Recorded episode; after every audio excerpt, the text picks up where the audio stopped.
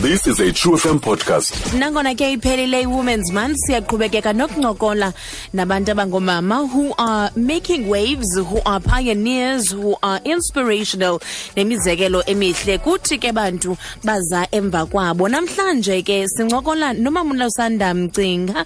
She is uh, a gospel great. She's a giant in the industry. Ukunye nathi emnxebeni mamulu sanda inkosi kakhulu ngexesha lakho.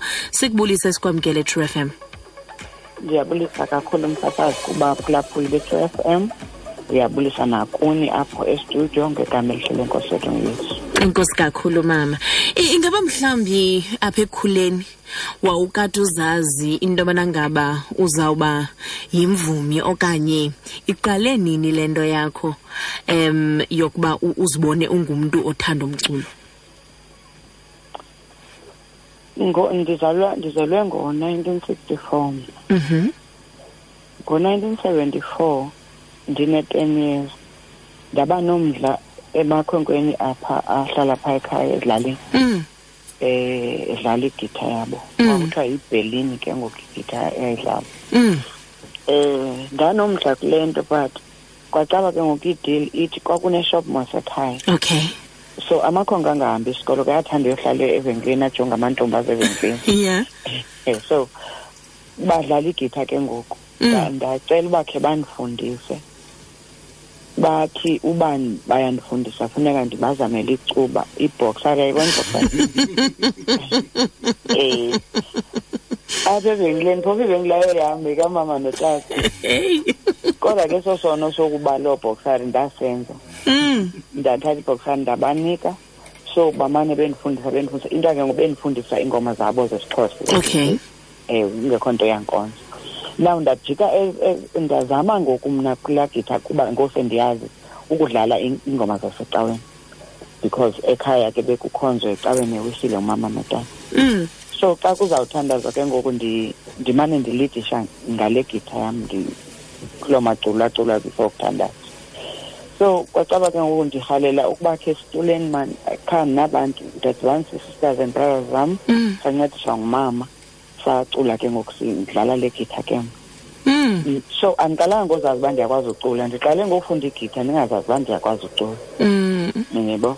So ngoku xa sesifomishe loo nto ke ingabhadlanga amane sicelwa kwi kwi kwi-convention zasecawe mhlawumbi bekho i-reception then siyocula khona. Eh simane sicelwa nakwi-funeral nje apha elalini futhi ke sicelwa not uba silindele into bazawunikwa ntoni. But yayinto endandiyi-enjoya kakhulu ke mna ke. Eyona nto ndifuna ukuba ndicule ndandikuthanda ukucula ke ngoku sendikwazi ukudlala igita ndi- ndi- uba ngaba ndi- noba ndiyaphi ndiphethe le gita eh noba ndiphi noba ndisetawuni noba etawuni ke usuke ezilalini ukhwela i- iveni kuthiwa zizitalion kuvele kuthiwe ke ngoku mandicule apha esitalionini ndiyayithanda ngaloo nto. Andiboni nto ifani kuloo nto ndicule ndicule Ndi- ndiva kamandi kakhulu ka ndiculile Mm. So iqale kanjalo ke le nto yam. Ngoku kwacaba njengoba simane sicula kwambe iminyaka sicula kwezinto abantu bafuna iikhasethi yayingamakhasethi ngoko Mm. uyawuthi ilenze nini ikhasethi sifuna kaloku ukumamela nasezindlini. Eyi ndazama ndazama indlela yokuba ndenze eli khasethi ndibuza ke um- igruphu eyayisekhona ngoko yayi eyayifutshane nam yayimasizakhe iye yasemthatha amini yasedutya so ndabuza ke utata mazizi umnikazi waloo group uba ndingenza njani uze ndirekhoda athi yho hayi kunzima ukurekhoda angekho ukwazi ukukhona laa mali. Kufunwa oo-thirty thousand khawucinge ku-thirty thousand phaa koo-seventies eighties uba Yho. yayimali enkulu noba kakhulu. yimiliyoni. Uyayibona? So kwathi kwawuthethwa kanjalo ndavele ndaqonda uba hayi ke ndiyayincama leyo rekhoda Mm. into. Mhlawumbi uthixo mna un- undibizele into okokuba ndihambe ndiphephezela ke kule mizi kukhona kuyimingcwabo Mm. ngo-ninety-three ndaqeshwa kwenye ivenkile yefenitsha esengcobo as i-cashier ne-receptionist. Ngoku ke ndi- ndiphendule ezi calls zasemsebenzini. Kukho idayari telephone direct ya. Ndi- ndimane ndijonga kuyo ndabhaqa istudio esisebhayi ekuthiwa yi-audio concept. Ndafowunela phaa. Ndabuza uba um- umntu azakwazi urekhoda funeka athini? Kwathiwa phaya imali ebhatalwayo yi-two thousand rand then i-transport yeyakho uze nabo bantu then kurekhodwe ke loo mini yonke emva koko anigqibile nigoduke. Andinayo ke ngoku le mali nganayo le two thousand but imali yekhumbi endizakhwelisa kuyo abantu bam abayi-sixteen ukuya ebhayi andizuba nayo ngelakhi kuba ndandimane ndihamba ke kule mingcwabo ndihamba nakwimingcwabo yemibutho yetonoteksi oncedo noosapta bemane bendicela kwii-funerals abanazo zabantu babo. Ndayocela ke ngoku mna kubo into yoba bandidoneyithele okanye bandiboleke imoto indisebhayi ndiyorekhoda Mm. ndayenzelwa ke loo nto ndayorekhoda my first album yayingo-nineteen ninety-five. Isithi simethembile. Mm.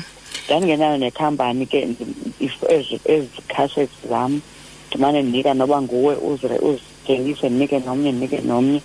Ufumanisa into yoba ke ngoku njengoba ndisenza le nto ezinye iimali azibuyi Eh. kwaba bantu bendibanikile um kodwa ke nda- nda- nda- eyo nto yandivuyisa kakhulu mna kuba kuthiwe ndinalo ikhasethi eli khasethi lam liyadlalwa ke nasezireyidweni uyayibona? So um, ngo-ninety-five ndirekhodile ngo-ninety-six xa ndifuna uphinda ninety-six ninety-seven. Yakoba kukho indawo into ekuthiwa ngugalo eseGoli. Makhe ndiye phaa khe ndiyosabela into yoba banondisayina na? Ndibe phantsi kwabo. Ndaya ke galo igalo ndafika yandibhebhetha yathi ayisathathi bantu ngoku. Ithatha abantu asele kudala becula Mm. bamthatha umntu osekule level ndikuyo. Hayi ke ndabuya xa ndibuya ndaphinda ndawurekhoda ebhayi kwesaa studio sasebhayi ndaphinda ndaqhubekeka ndizithengisela ndithe ka ndiphakathi nokuzithengisela ndafumana i-call esuka e- e- e- egalo kusithiwa kukho umntu abamthumele apha emthatha. Nyhani wafika ke lo mntu? Xa efika lo mntu uthunyeleyo wawubuza nje ezirenkini naphi naphi buza uba ngokuphi yeyiphi i-artist eh, ekhoyo apha mhlawumbi eniyaziyo? Abantu ke bathetha ngolusanda bathetha ngolusanda ngolusanda lusanda sade sabe siyadibana ke naloo mntu sanemeeting uba ndisayini ndasayinwa kwangaloo mini kukalo Mm. xa Wow. ndiseborelisa le album yam yesibini Hey. so ijeni yam ilapho ke mama ndisaphela ndisema kule ndawo i- idlala i-album yesibini cela uthethe ke njengoba ndizoqhubekeka neba. I- ingeba mhlawumbi mam lusanda apha kwi-industry njengokuba wena unelusanda productions nje unezinye ii-artist ezingaphantsi apha kuwe kwikhampani yakho. Um i- is it more difficult njengoba ungumntu ongumama? o- o- okokubana ibhiziness iqhubekeke uyifumane i-respect um mhlawumbi le inikwa ii-colleagues zakho abangabantu abangootata okanye zikhona ii-challenges ezizezakho ezi-unique kuba ungumntu ongumama ebhizinesini yomculo? Ii-challenges zona zikhona okanye zazikhona kakhulu ngelaa xesha lam. Mm. eh ufumanisa into yoba mhlawumbi uba kukhona ifestival ethile siyophefoma apho. Iline up mhlawumbi ndisuke ndiyazi uba ndiyocula eshepston and i- ngokwe-line up ndicula ngo-six okanye ngo-eight ngokuhlwa ufumanisa into yoba kuba ndingazukwazi uzithethela laa eight wam uyathathwa ngo- ngomnye ubhuti omnye umntu ongubhuti ndiphele ndiyocula mhlawumbi ngoo-three mna ekuseni Yho. andikwazi uthetha mos and- ndingumntu ke onqenayo kwa uthetha ndingumntu ndaba ndimathile na so bebethatha ke advantage eh, yoba ndinjalo Mm. bandi-overtake zininzi wethu sesinto ubufumanisa into yoba nkosi yam uba ngaba bendingumntu ongutata i don't think ibiza kwenzeka ke lena Mm. eh into nayo kukho le nto yoba ke yokudelelwa kwabantu abangoomama ngabantu abangootata Mm. kodwa ke mna ndi- ndi- ndingumntu o- o- ophusha otyhala ngesuba noba noba imeko ithini na kona kona le into ndi- uthixo andinike yona andizuyiyeka ngenxa yezi-challenges okanye ngenxa yezinto ndizenzayo kule industry so ndisekhona nangoku oko ndandikhona ndandiqale ngo-ninety-five ndiselapha kule ndlela futhi asikukuba kusmooth kule ndlela kodwa ngoba uthixo mna undinike into yokuba izwi lakhe ndilihambise through umculo Mm. and funeka liyofika naphesha kwezilwandle noba ndilapha mna. Uyayibona? Mm. andikwazi ukuyiyeka ke loo nto noba iimeko zasemculweni sezinjani kum andikwazi ukwahlukana nale nto uthixo wandinika yona. Ndicinga uba fanuba ukwa- ukwahlukana kwam nayo kungandenzela ingxaki phakathi kwam nothixo uyayibona Mm. so uyandinceda ke ndiye phambili noba iimeko zithini na. noba kunjani na noba kunjani nasisi um awuzange wayicinga ke mama into yento yoba uhambe apha empuma koloni because your whole life has been here.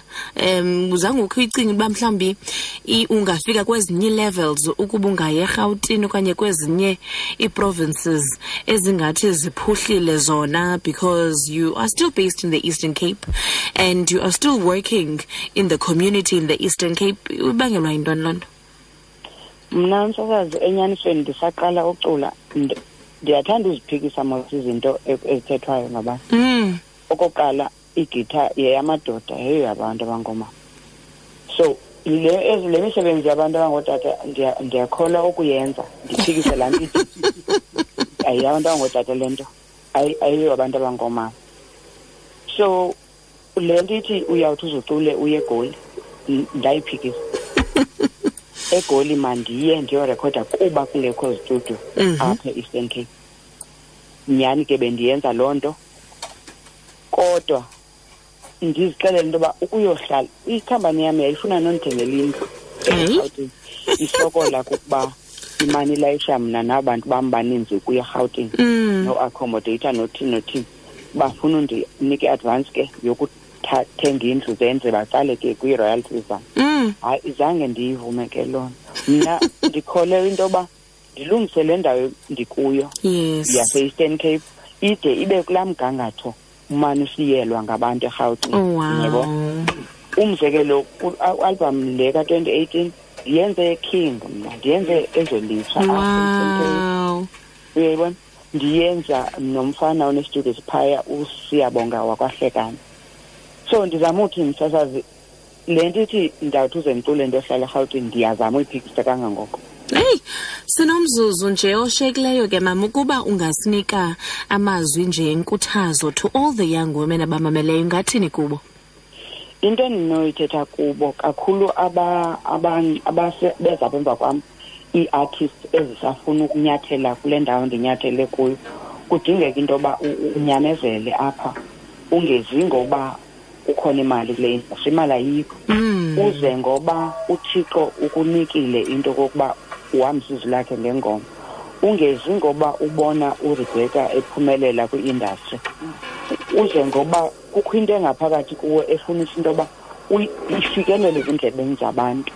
Niyayibona so kudingeka into yoba banyamezele. Abanye xa beze ngenxa yemali msisazi ufumanisa into yoba barekhode ialbum eyi-one. Kule album eyi-one akayiboni imali ayikho imali angabi safuna uphinde ukwenza eyesibini because yena beze kwicala lokuba ufuna ukuba nemali. Kanti ukuba ngaba unento uthixo u- utshuze wena ukuba uhambise izwi lakhe ngale ndlela yengoma A- a- akho nto ikwenza u- endleleni ubhidiseke ungathi ungayeka. Uyayiqonda because isegazini lakho le nto ayikho sekubeni ndibone ubani bani e- ephumelela kuyo so Enkosi. mabanyamezele baqhubekeke nobizo lwabo uthixo uza uza u- mna ndaziwe kwialbum yesithandathu ukuba ndingumntu okhoyo senje uthi Yes. ndasithi amaxesha Nyamezele. abaninzi ndithengisa njena ndingaziwa nakakuhle ngabanye ndingaziwa naphi kodwa ethubeni uhamba uqhubekeka nalo msebenzi kathixo ude uthixo a- akuveze ebantwini ngendlela akuveza ngayo ubone ngoku ufumana ibhonus yokuba ufumane imali Enkosi. Enkosi kakhulu ke mama ngenxa yexesha sayibamba apho uanele mpumzo uyawuthanda umculo wakho esempumalanga. Siyabulela kakhulu ngexesha lakho. siyabulela kakhulu msasazi Find us online on truefm.co.za.